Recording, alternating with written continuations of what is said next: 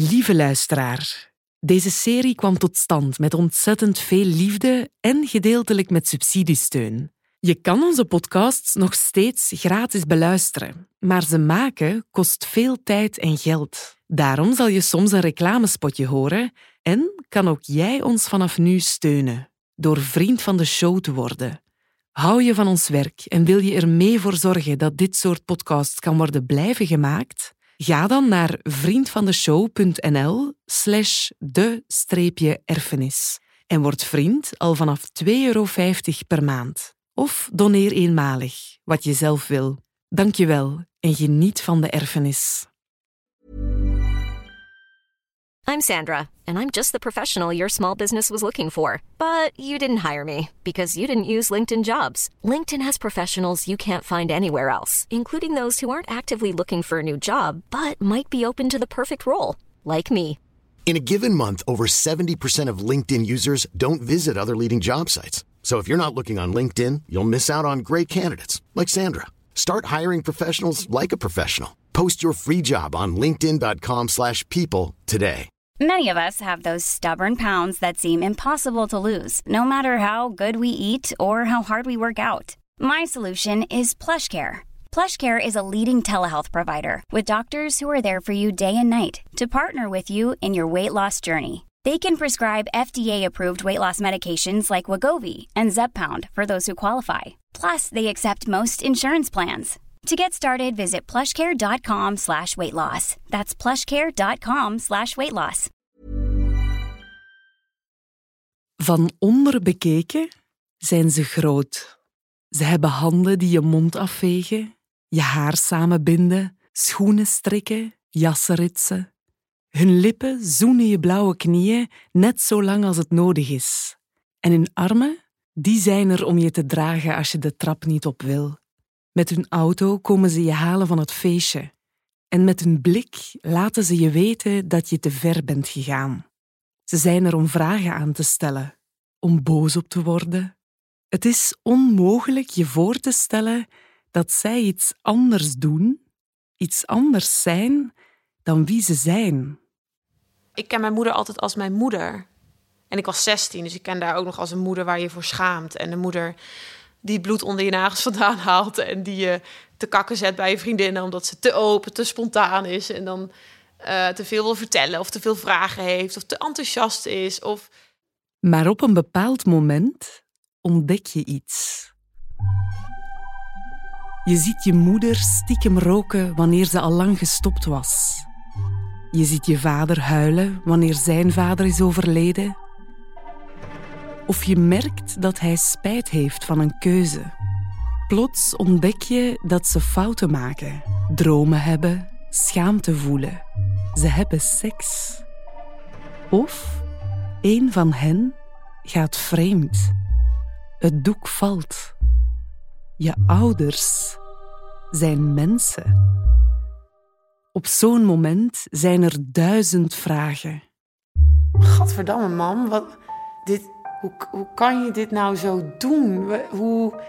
Wat als je te weten komt dat je moeder een geheime liefde had en voor hem bereid was het gezin te verlaten?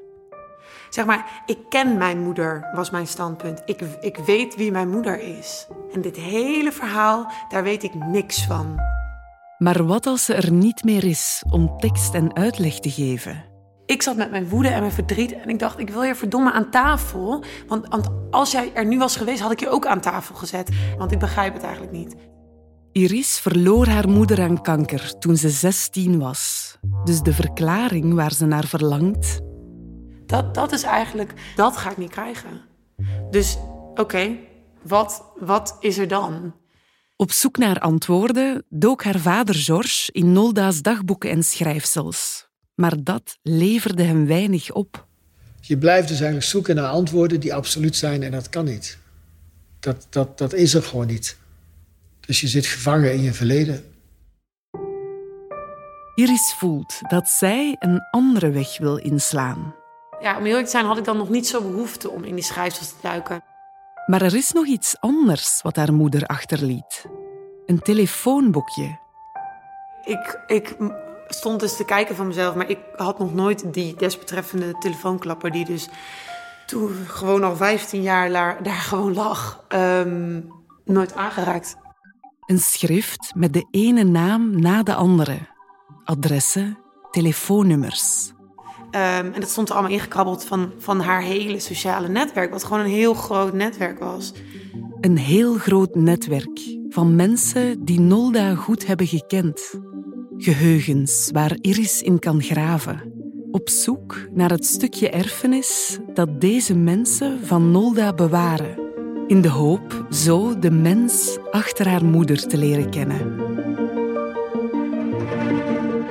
Dit is het tweede en laatste deel van Iris' verhaal. De erfenis. Aflevering 3. Van Audiocollectief Schik ben ik, Siona.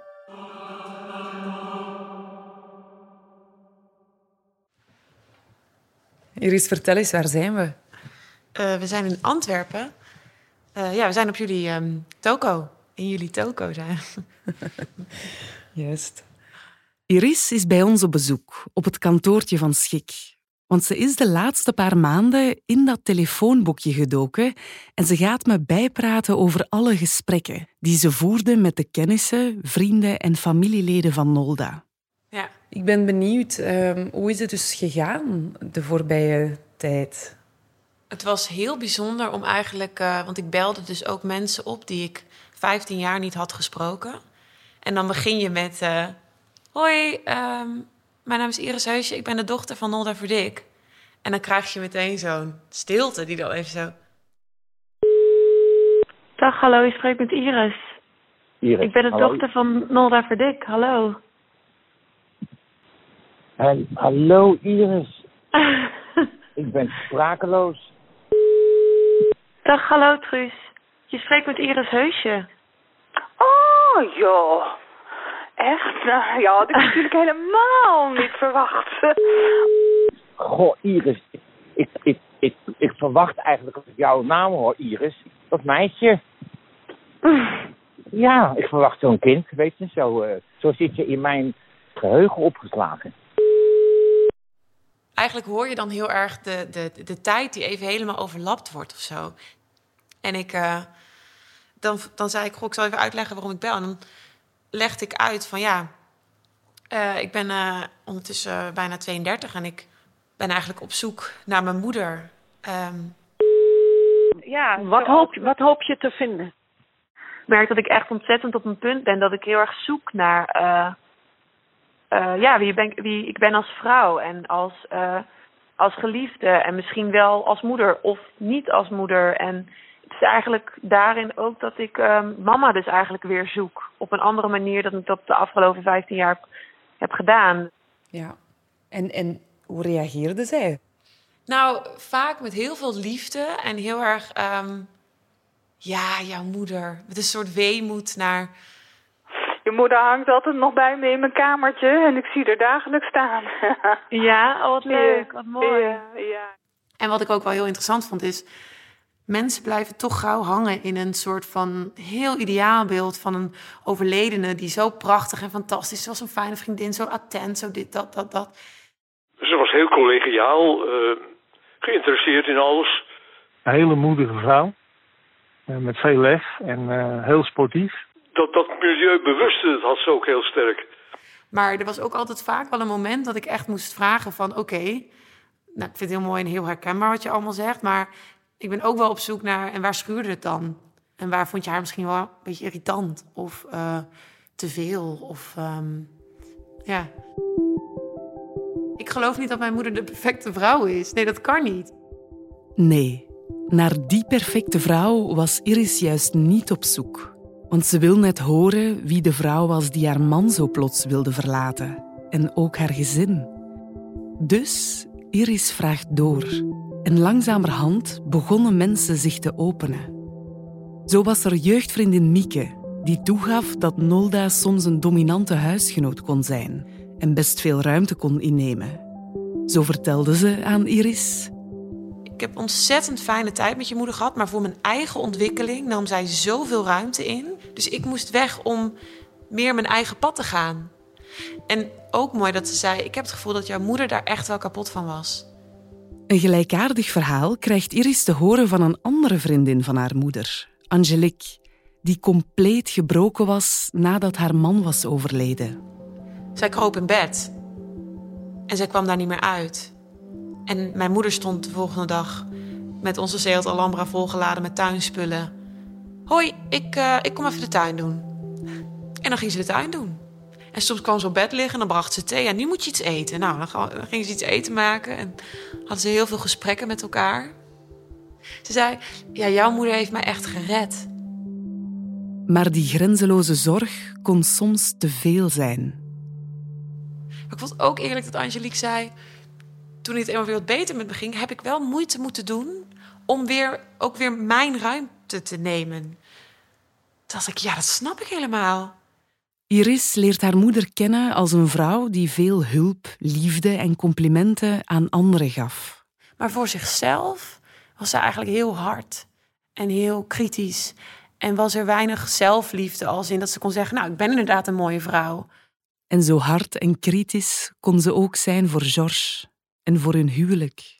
Wat ik ook wel meer heb gehoord in, in, in de gesprekken die ik heb gevoerd, is dat er toch een bepaald plaatje in haar hoofd was. En dat, dat dat voldeed niet. Dat, dat, dat was niet aan de hand. Dat lukte niet. Het idee van het ideale gezin teisterde haar. Het was iets wat zij niet had, want haar kinderen ruimden nooit iets op, hielpen niet bij de afwas, keken te veel tv en als ze op zondag samen wilden gaan wandelen, dan had niemand daar zin in. Ze vond dat George niet genoeg thuis was en dat ze alleen stond in het huishouden en het opvoeden alsof ze zich een hele andere partner in dit huwelijk had voorgesteld. Dat vertelde Marja, een andere vriendin van Nolda, aan Iris. Ik kreeg de indruk dat jouw moeder vooral zo krampachtig probeerde van je vader iets te maken wat hij, wat hij dan in haar ogen moest zijn. En dat, um, dat dat een worsteling was waar ze maar niet uitkwam. Meer en meer krijgt Iris het beeld van een zoekende vrouw die zich grote vragen stelt over het leven. Hoe doe je dat? Gelukkig zijn en een huwelijk doen slagen, kinderen opvoeden? Heb ik daarin wel de juiste keuzes gemaakt? Nou ja, wat de fuck zijn we nou eigenlijk aan het doen met z'n allen? Wat kom ik doen? Wie ben ik en wie wil ik zijn? Verwoed dook ze in boeken, op zoek naar het antwoord op deze vragen. Ze zat in praatgroepen, probeerde tijdens fietstochten en wandelingen uit haar vrienden te sleuren hoe zij dit zagen zij maakte dat een activiteit in plaats van sommige mensen kruipen terug, maar zij ging juist als een beest aan het werk. En Iris komt te weten dat dit beestig zoeken naar betekenis in het leven zijn hoogtepunt kende in het jaar voor haar dood. Ja, wat ik er vooral heel erg uit heb gehaald is dat, dat het dus ook echt wel een periode was waar, waar mama dus echt heel ongelukkig was. En, en daarmee is ze dan eigenlijk gestorven. En dat, dat raakt mij dan heel diep. Dat ik denk, jeetje. Dat is zo'n film die, um, die echt kut afloopt. Ja, dat is dus wel wat het leven kan zijn. En het was in die periode, 2005, dat ze verliefd werd op Harm. Harm, ja. ja. Gewoon een beetje rillingen bij die naam. De naam die niemand van Nolda's vrienden uit zichzelf tegen Iris noemt, maar waar ze toch voorzichtig over durft te beginnen. Maar zo is het ook eigenlijk gekomen dat ik, um, ja, dat ik eigenlijk achtergekomen ben dat, dat mama um, eigenlijk net voordat ze ziek werd en dus ook overlijdt, want dat is heel snel eigenlijk gegaan allemaal. Gaan, zeker, ja, zeker dat ze eigenlijk verliefd was op een andere man. En dat ze ook wel klaar stond om uh, ons te verlaten en, en misschien wel met hem verder te gaan. Ja, had ze het daar met jou over? Is... Uh, ja, ik heb nog wel. Uh, ja, ze, heeft, ze schreef het naar mij, schreef ze er wel over. Ik heb ook nog brieven. Ik heb al een heel pakket van. Uh, de periode heb ik inderdaad nog bewaard. Ik denk, ja, in mijn hoofd ging nu van alles ook draaien. Ik denk, ja, wat moet je, wat kan je daar wel? Ik bedoel, het is ook niet ja, makkelijk om, in, zoals je zelf ook zegt, om dat te vertellen, zeg maar. Of, of om dat te mhm. laten lezen. Of, of, ja. Ja, ja, maar ik, ik weet er zeker van, ja. Ja, dat, daar heeft ze zeker over gehad. Iris hoorde mensen aarzelen om de geheimen van hun vriendin zomaar met haar dochter te delen. Maar het is wel duidelijk dat Nolda hen over Harm had verteld en dat ze wisten dat ze verliefd op hem was. Al kon niemand Iris vertellen hoe het precies in elkaar zat. Wat voor band ze nu echt met Harm had. Of het wederzijds was geweest. Had hij haar dingen beloofd die hij niet kon waarmaken? Had hij haar het hoofd op hol gebracht? Ja. En ik, weet dus, ik ben dus ook benieuwd van... Is het dan dat, dat hij zich gedroeg op een bepaalde manier... dat mijn moeder dat zo geïnterpreteerd heeft? Of of heeft zij zichzelf het hoofd op hol gebracht door in alles een teken te zien dat zij en Harm voorbestemd waren? En hoe kijkt Harm hier dan op terug? Dan denk ik, is het dan vlijend dat een vrouw, zoals ik mijn moeder dan bijna zo romantisch, zo gepassioneerd over hem dan blijkbaar, zo stel ik me dat dan voor, over hem praat? Van is dat dan, ziet hij dat dan ook zo? Snap je, heeft ze dat ook evenredig zo teruggekregen van hem? Of is dat dan, of, of is dat vooral voor hem heel vlijend geweest? Al deze vragen, terwijl Harms nummer ook gewoon in het telefoonboekje staat.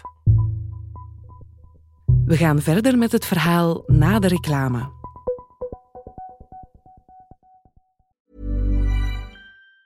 Hi, I'm Daniel, founder of Pretty Litter. Did you know cats tend to hide symptoms of sickness and pain? I learned this the hard way after losing my cat, Gingy. So I created Pretty Litter, a health monitoring litter that helps detect early signs of illness by changing colors, saving you money and potentially your cat's life. Pretty Litter is veterinarian developed, and it's the easiest way to keep tabs on your fur baby's health right at home. Go to prettylitter.com and use code ACAST for 20% off your first order and a free cat toy. Terms and conditions apply. See site for details. Hiring for your small business? If you're not looking for professionals on LinkedIn, you're looking in the wrong place. That's like looking for your car keys in a fish tank.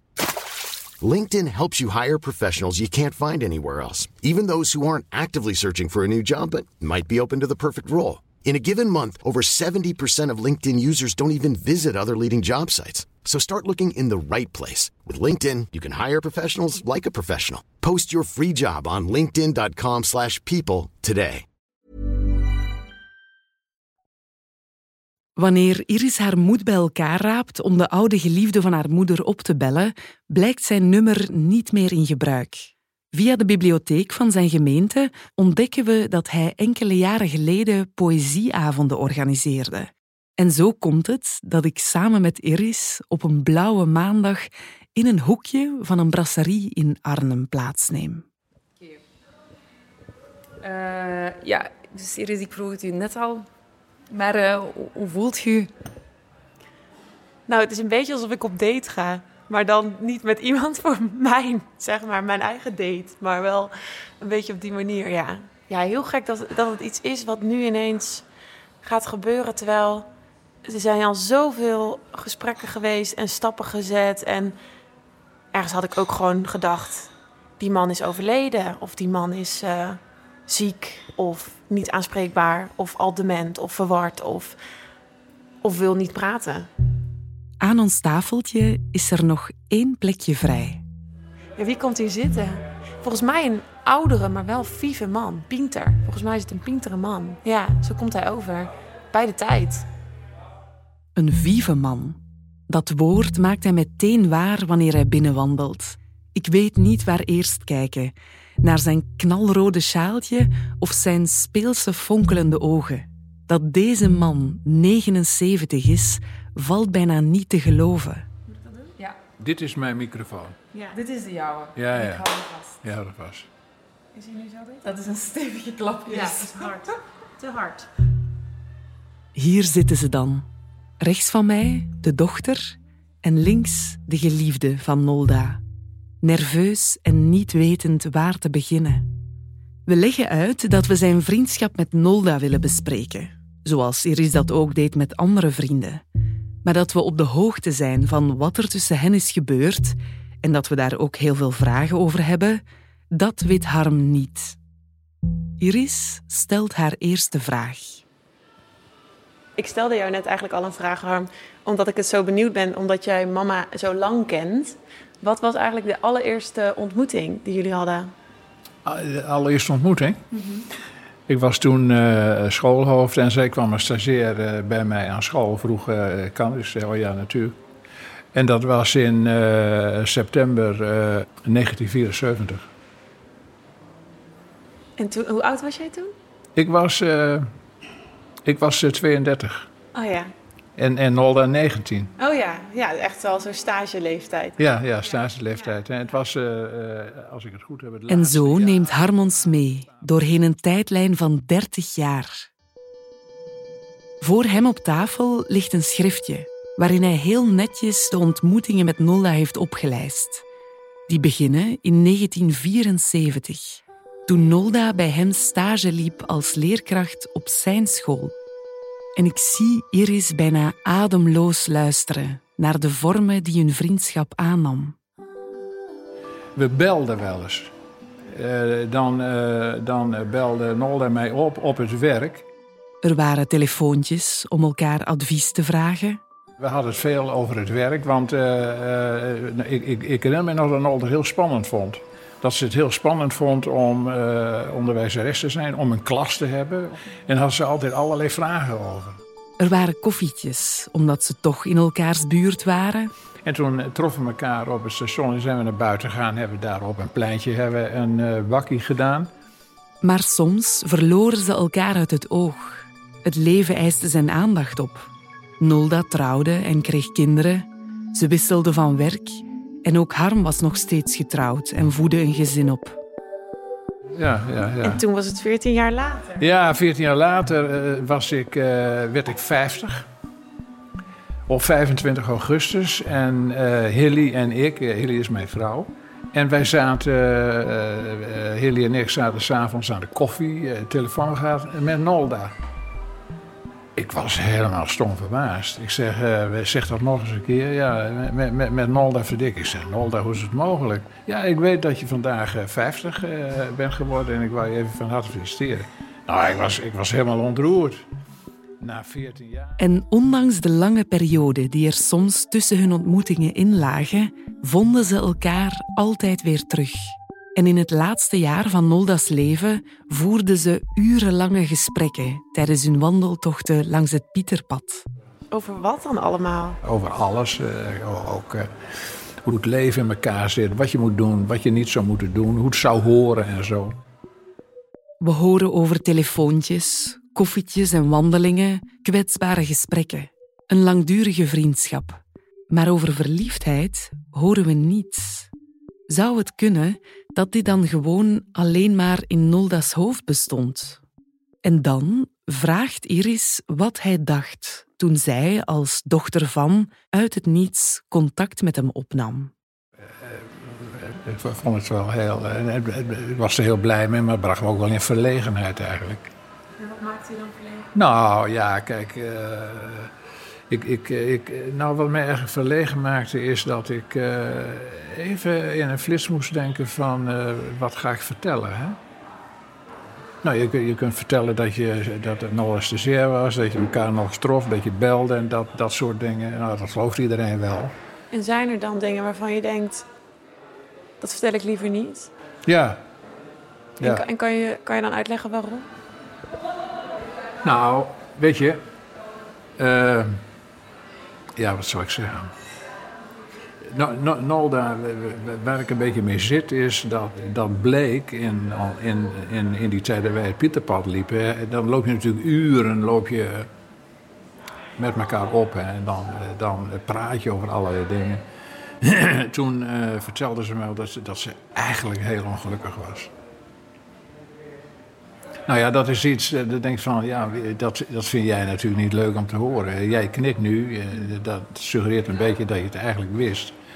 Maar dat vertelde ze me, dat, dat ze, eh, ja, hoewel ze alles deed om wat perspectief te zien in haar leven, had ik het idee dat haar dat niet zo lukte. Dat ze het, haar relatie met George, dat ze dat daar zat ze ook mee. Hè? Uh, nou ja, dat bracht, ons, dat bracht ons wel erg dicht bij elkaar, zeg maar. En, uh, ja. en is het benoemd, hebben jullie nou elkaar benoemd? D dit brengt ons nu heel dicht bij elkaar? Ja, ja, ja, ja, ja, ja, ja, ja, zo dicht dat. Uh, ja, ik aarzel om het te zeggen, maar, maar zo dicht dat. Ja, dat als wij, uh, als wij eerder elkaar zo ontmoet hadden, dat we misschien met elkaar verder waren gegaan. Ik merk dat Harms blik heen en weer schiet. Van Iris naar mij en weer terug. Hij is terughoudend in zijn antwoord, voorzichtig. En ik kan het ergens wel begrijpen, want waarom zou hij dit met ons delen? Wat heeft hij erbij te winnen? Maar toch besluit hij verder te gaan. Hij vertelt ons dat er meer aan de hand was dan vriendschap in de periode dat ze samen het Pieterpad liepen. Er ontstonden gevoelens. Maar, legt hij uit, er was geen sprake van een relatie. Zijn vrouw was al een aantal jaar overleden en Nolda was lang niet de enige vrouw in zijn leven. Uh, ik, mijn leven zat ingewikkeld in elkaar toen. Ik, ik, had, uh, ik had een relatie met een uh, oud collega. En dat liep voor geen hout. Juist, in, juist op dat moment. En ik begon een relatie met Lida te krijgen, waar ik nu mee ben. En dus ja, ik was ook heel vaak in verwarring. Hè. Ik, ik, had, ik, ik, wist niet precies meer hoe, hoe het allemaal zou moeten en wat mij overkwam. Maar had je, deelde je dat dan met elkaar? Van, ja. ik vind dit verwarrend. En hoe, ja, ja, zij dan? Ja, ja, dat is ook zo. En, en, en ik herinner me dat Nolda daar veel duidelijker in was dan ik. Ik, ik denk dat zij, dat zij wel verliefd op mij was. En, en was jij verliefd op haar? Wat? Was jij verliefd op haar? Als je even je, je, ja, je aarzelen... Ik, ik, dat, dat, uh, ik, ik, ik, ik, ik, ik, durfde niet goed, weet je wel. Ik, ik, ik had... Uh, ja, ik stotter wat hoor. Als, als de omstandigheden wat anders geweest waren, dan, uh, dan had ik dat gevoel ook meer vrij baan kunnen geven. Het voelt ergens als een opluchting te horen dat het toch niet alleen in Nolda's hoofd zat. Er was iets aan de hand tussen hen. Er waren gevoelens. Maar het lijkt er wel op dat Nolda hier meer mee wilde doen. Ik, ik stond nu voortdurend op de rem, hè. En dat, dat zei ik ook wel tegen Nolda. En, uh, en dan zei ze, ja, dat, dat, je kunt toch dat besluit nemen. Wat, weet je wel, even plat gezegd, wat doe je daar moeilijk over? Harm herbeleeft zichtbaar de gesprekken die tussen hen hebben plaatsgevonden. Alsof hij nu weer die aarzeling wordt ingetrokken. Van wat te doen met deze prachtige vrouw die veel voor hem betekent, maar die ook al enkele denkstappen voorzit.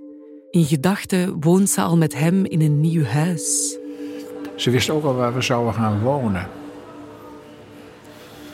Ja, dat zat, zat ergens een huis en dan. Uh dat, uh, ja, nee, dat, dat zou kunnen. En dan zouden, zouden jullie en Sjors zou eh, in het huis kunnen blijven. En dat was dan dicht bij elkaar. En dan, dan was dat...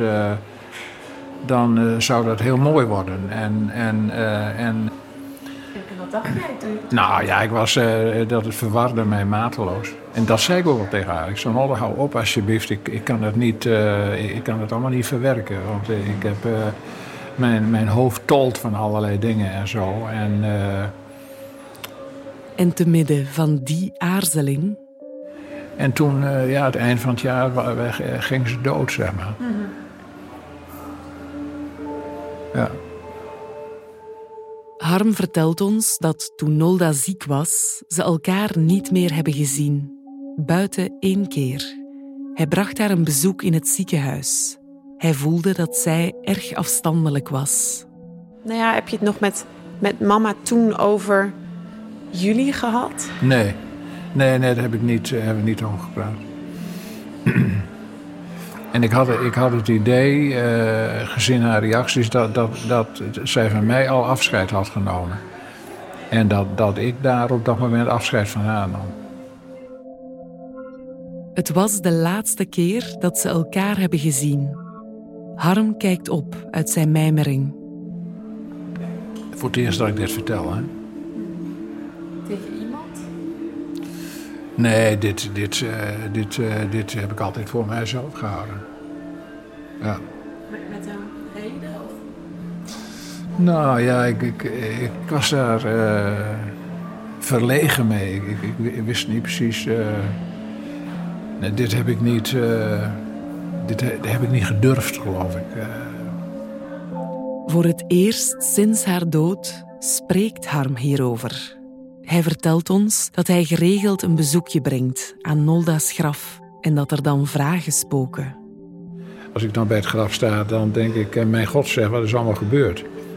Hoe is dat nou precies bij mij verlopen? En dan komt die discussie weer naar boven. En had het anders kunnen lopen? Ja, daar, daar, ben, daar, daar, ben ik eh, eigenlijk altijd nog mee bezig. Voor- Vooral in de, in de sfeer van, hebben, hebben, we, hebben, we hebben geen besluit genomen. We hebben geen beslissing genomen. Maar eh, misschien hadden we dat moeten doen. Dus eh, nou, dat, dat houdt mij dan wel erg bezig. Ja. Er dringt zich een beeld op van een man die aan een graf staat te praten tegen een vrouw die niet meer kan terugspreken. En ik denk aan Georges. Zouden beide mannen elkaar al eens hebben gekruist aan het graf zonder elkaar te hebben opgemerkt? We nemen afscheid van Harm. Ieder gaat zijn eigen weg uit. En een week later ontvangt Iris een mail van hem. Dag Iris. Het is nu een week geleden dat we elkaar spraken in Arnhem. Er is geen moment geweest in die week dat ik niet dacht aan wat we elkaar verteld hebben. Ik vraag me af, ben je tevreden met wat er is gebeurd en heeft het aan je verwachtingen voldaan? Kun je ermee verder? Er zijn veel dingen aan de orde geweest. Hoe heb je die ervaren? Ben je verbaasd, geschrokken? Had je liever iets niet gehoord of was je blij dat je ze hoorde? Vraag ik nu te veel? Enkele weken na onze ontmoeting met Harm spreek ik af met Iris. Opnieuw bij haar thuis, aan diezelfde tafel waar ik haar anderhalf jaar geleden voor het eerst ontmoette. En ik vraag haar wat alle gesprekken van de voorbije maanden met haar hebben gedaan. Eh, ja, Iris. Ja. Hoe, hoe, hoe is het nu met u? Eh, ja, Eh, goed. Ehm, ook wel veel, in die tussentijd ook wel veel, voor mijzelf is er even veel gebeurd. Iris heeft door zoveel ogen naar haar moeder kunnen kijken. Ja, ik heb zoveel gesprekken gevoerd de afgelopen tijd. En nog ga ik, ga ik een aantal mensen spreken. En ik heb haar, in, ik heb haar zoveel beter leren kennen. Ik, ik, ik, ik schaam me bijna te zeggen dat ik eh, twee jaar geleden kon zeggen dat ik wist wie mijn moeder was. Door alles wat ze over haar moeder leerde, de mooie, maar ook de moeilijke kanten, is er voor Iris een veel completer beeld ontstaan. Ze kan nu met meer begrip kijken naar dat laatste jaar voor haar dood, waarin Nolda iemand was die haar gezin wilde verlaten. En het enige waar ik me nu nog heel. wat me pijn doet, is dat ik het jammer vind dat ze nooit. en dat zowel mijn vader als mijn moeder. met, dat zij niet met elkaar aan de keukentafel zijn gaan zitten. En dat zij niet dan dit op tafel heeft gelegd. En hij ook niet met haar, want mijn moeder worstelde, maar mijn vader heeft ook zijn kop in het zand gestoken. Terwijl als hij goed had gekeken en geluisterd, hij ook had kunnen zien en horen dat er iets niet klopte. En dat heeft hij ook niet onder ogen willen komen. Of niet geweten hoe dat dan te moeten doen. En daarmee hebben ze dat allebei in stand gehouden. En het schrijnende is dat je daar dan geen tweede kans voor krijgt. Nolda en Georges zijn er niet in geslaagd elkaar te bereiken voor het te laat was. En de reden, ziet Iris in, is simpel. Haar ouders zijn mensen. Het doek valt. Ze ziet de man achter haar vader en de vrouw achter haar moeder. En ehm, daardoor is ze veel voller geworden. En hou ik alleen maar meer van haar. Omdat ik dat ook van haar weet. Deze mensen die je ooit naar de muziekles brachten, het eten voor je kookte, de was voor je draaide, altijd een antwoord voor je klaar hadden, je over de bol aaiden en zeiden dat het oké is. Deze mensen, ze worstelen, verlangen, falen, dwalen. Hopen dat iemand hen in de armen neemt en zegt dat het oké is. En, en dat ik ook echt in het onderzoek heb momenten, met momenten heb gevoeld hoezeer ik die vrouw nu, als, als 34-jarige, even vast had willen houden. Dat ik zo graag even de hand had willen pakken en had willen zeggen van wat, wat kut dat je dit nu voelt. En ehm, dat ik haar eigenlijk nu had willen troosten. Dat ik wel had willen zeggen dat het, dat het oké is en dat, dat het er ook mag zijn, dat gevoel. Dat het je ook zo te veel kan zijn. En dat ik er gezien heb. Dat ik er absoluut gezien heb en dat ik het en er gehoord heb. Ja.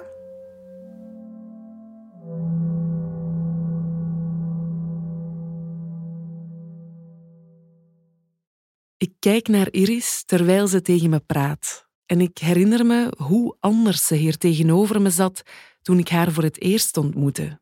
Ze ziet er lichter uit. Of misschien is dat maar een idee. Wanneer ik het haar vraag, knikt ze. Goh, wat kan ik weer veel meer vooruit? En heb ik veel meer blik en veel meer wereld om haar heen. En ook voor mezelf. Ik kan wel zeggen dat ik dit nooit niet had willen doen. Ze voelt dat ze door kan. En dit gunt ze ook haar vader. Maar dat lijkt hem voorlopig nog niet te lukken. George, uh, kun je eens omschrijven waar we zitten? Nou, we zitten in het uh, stadspark naast twee doeltjes. Hoe lang is het geleden, George, dat wij elkaar hebben gezien? Nou, volgens mij bijna twee jaar. Ik zit tussen George en Iris op een boomstam die dienst doet als bank. Er is anderhalf jaar voorbij gegaan sinds ik met George sprak. En ik vraag me af hoe het intussen met hem gaat. Ik. Uh, ja, het leven gaat zo'n beetje zijn gangetje. En af en toe ben ik daar heel ontevreden mee. En af en toe denk ik van, ach, dit is nou eenmaal zo. Ik heb van die vlagen dat ik denk van, nou, dit is niet het leven wat ik zou willen uh, wat ik zou hebben gekozen als ik een keuze had gehad. En ook in de toekomst zie ik weinig uh, bijzondere dingen waar ik gepassioneerd naartoe zou willen leven. Dus het, het, het gaat zo zijn gangetje. Denk je dat het gevoel nog altijd te maken heeft met het afscheid van uw vrouw, met uh, het ander soort leven dat er dus de laatste 16 jaar nu heeft plaatsgevonden? Ik, ik denk dat daar alles mee te maken heeft. Um, alleen normale mensen sluiten op een gegeven moment iets af. Die, die zetten ergens een streep onder en, en beginnen opnieuw of, of beginnen aan iets nieuws. En op een of andere manier uh, is mij dat nog niet gelukt. Dus je blijft een beetje hangen in het verleden. Dus ja. Gevangen in het verleden. Ik herinner me deze woorden uit mijn vorige gesprek met George. Naast mij zit een man die die toestand heeft aanvaard. Dat er voor hem geen groter geluk is weggelegd. Of een nieuwe liefde. Ondanks enkele pogingen heeft hij sinds Nolda's dood geen nieuw hoofdstuk in kunnen slaan. We ja, zitten hier natuurlijk omdat... Ja, Iris heeft, heeft je verteld dat we Harm hebben ontmoet. Wat heeft zij jou al verteld hierover? Of wat heeft zij al gedeeld? Um, weinig concreet. Want ik heb dan ook zoiets van... Ik wil daar niet naar vragen, want dat zou jou in een soort conflict kunnen brengen van moet ik hem dat wel vertellen? En ik dacht, ik wacht gewoon af wat je kwijt wil. En dan hoor ik wel wat en dat is ook goed. Ook al zou ik misschien uh, bijspreken een, een transcript van het hele gesprek willen hebben. Dus toch nieuwsgierig? Tuurlijk. George is niet gewoon nieuwsgierig. Het lijkt bijna sterker dan hemzelf. Het willen blijven reconstrueren van wat er in die laatste maanden voor Nolda's dood is gebeurd. Nog steeds wil hij weten wat er op die wandelingen allemaal is besproken. Hoe concreet Nolda's plannen voor haar toekomst met Harm al waren. Hoe Harm daar precies op heeft gereageerd. Vragen die hij aan Harm zelf zou kunnen stellen bij een ontmoeting. Ik denk nog steeds niet dat ik dat moet doen. Want ik denk dat het dan een, een, een, een, een dat ik het risico loop dat het een niet eens wel een spelletje wordt. Kijk, het zal natuurlijk ook een heel emotioneel uh, moment zijn. Want dan zit daar iemand die, laat het even heel uh, bot zeggen, die op, het, op het punt stond je vrouw af te pakken. En dus blijkbaar deed hij iets beter dan ik. Kon hij iets beter dan ik. We weten ook niet of het een goed idee is om de weduwnaar en de ex-geliefde van Nolda zomaar in één kamer samen te brengen. Maar een paar maanden later krijg ik een berichtje van George dat hij toch wil afspreken met Harm.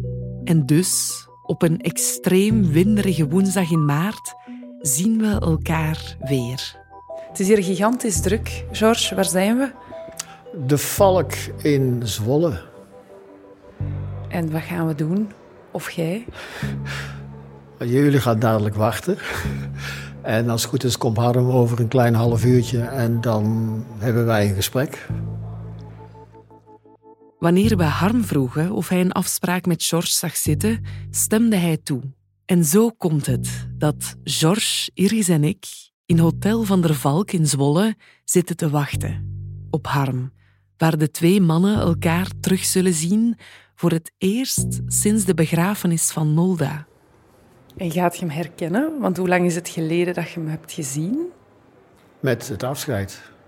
En toen ik de zaal inliep, keek ik hem meteen recht in het gezicht. En ik herkende hem meteen, terwijl ik hem nooit had gezien. wist ik meteen dat hij het was. Dus ik denk dat dat nu ook alweer gaat gebeuren. En desnoods is hij veranderd. Nou ja, oké, eh, dat zal dan zo. En dan zal ik toch, stel dat hij echt op een bepaalde manier veranderd is dan zal ik naar hem kijken door de oren van Nolda. Zo van, hoe zou zij hem nu gevonden hebben? Heel dom natuurlijk, want dat weet ik niet. Maar ik zou, zal het niet kunnen voorkomen. Ik zal het toch doen. Goed, dan, dan is het misschien tijd om rustig te gaan. We gaan gewoon zitten en afwachten. Ben je klaar? Dat vraag je me na afloop nog maar een keer. En dan komt Harm aan en gaat de recorder uit. Dat was Harms voorwaarde, zodat hier vandaag ongeremd misschien eindelijk iets kan worden uitgesproken. Al is het niet met Nolda, dan wel met elkaar. Iris en ik installeren beide mannen aan een tafel in een hoekje en nemen zelf plaats buiten gezichts- en gehoorafstand. We beelden ons in dat Nolda neerkijkt op de situatie en dat ook zij, net als wij, alleen maar hoopt dat het goed komt.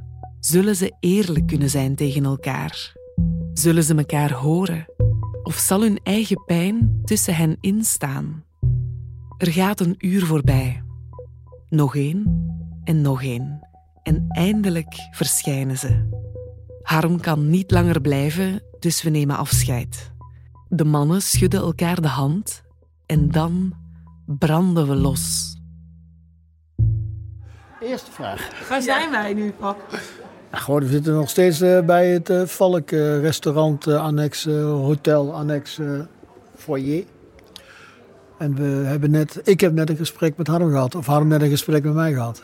En jullie hebben tandenknarsend en nagelbijtend op een afstandje gewacht tot witte rook uit de schoorsteen kwam. En plots kwam die echt. Je kwam u echt tonen als zwaaiend. Kom maar. Ja, jullie mogen er weer bij.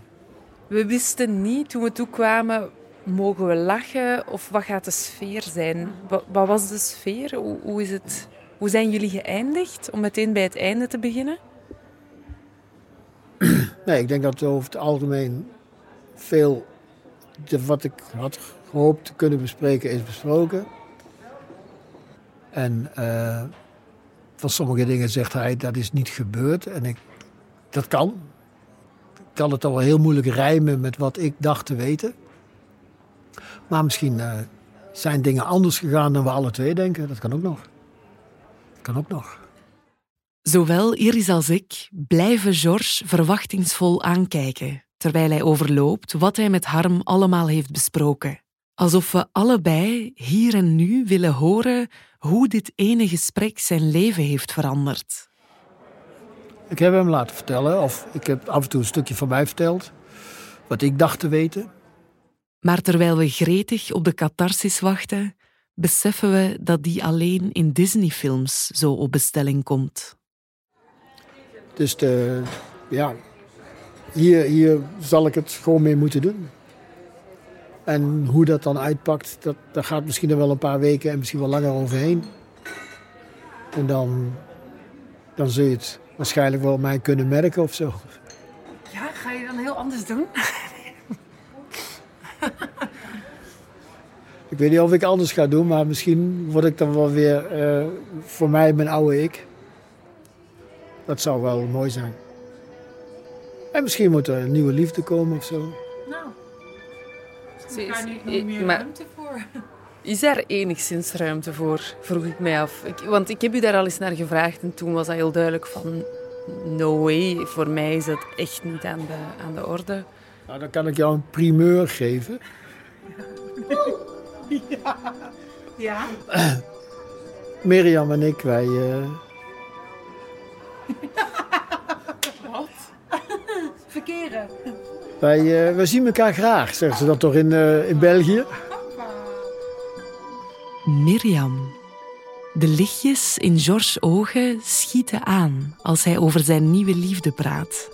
Een liefde waar zowel Iris als ik voor de eerste keer over horen. Ik moet daar bijna van Ik weet ook niet waarom, maar ze kijkt met heel veel pret oogjes naar mij. Dus. Maar George, waar ik zo van versteld sta, is dat jij mij nog zo helder zei van nee, voor mij daar sta ik niet voor open. Wat is er veranderd? Um, wat is er veranderd? Um, kijk, wij hebben natuurlijk uh, het gesprek gehad en er is nog heel wat nabesproken. Er is, uh, en op een gegeven moment ga je ook bij denken van ja, dit is eigenlijk ongezond zoals ik nu daarmee omga. Georges vertelt ons dat er ergens onderweg iets is gebeurd. Iets dat eigenlijk al begon toen Iris naar hem toe kwam met een liefdesbrief. Toen hij na zoveel jaren voor het eerst opkeek uit Nolda's dagboeken en met zijn dochter sprak in het wegrestaurant. En toen met mij en uiteindelijk zelfs met Harm. Ergens onderweg is hij gestopt met Nolda te lezen en herlezen, omdat ze zoveel meer was dan de woorden die ze schreef. En hoe meer hij opkeek, hoe meer hij sprak, hoe meer hij loskwam van de bladzijden waar hij zo lang in gevangen had gezeten. ik, ik, denk nog steeds dat ik een beetje overdonderd ben dat het gegaan is zoals het gegaan is. Dus nou, dat, dat, je, dat je zo van vandaag op morgen opeens uh, met iemand uh, samen bent. De, de interviewster die grijnst nu van oor tot oor. Dat is wel waar. Maar ik kan dit niet geloven. Dat is bijna een droom voor nou ja, mij die in vervulling gaat. Jouw, ja, jouw hele podcastlijn uh, uh, die wordt nu doorbroken. Want je wilde gewoon een, een, een zeurende uh, single die maar niet los kan komen van zijn verleden. En nu moet het toch een Disney-sprookje worden. Verdomme! Ja.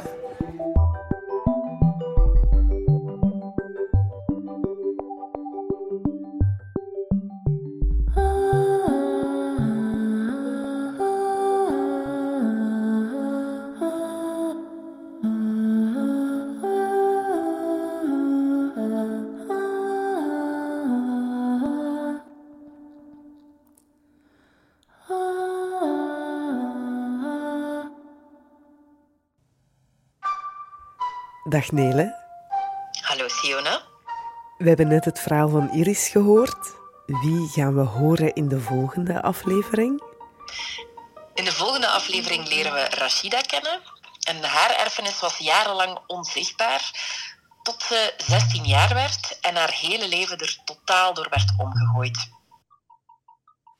En als 16-jarige had ik helemaal niet de indruk dat mij iets uh, ernstig stond te wachten waar ik helemaal geen controle over had.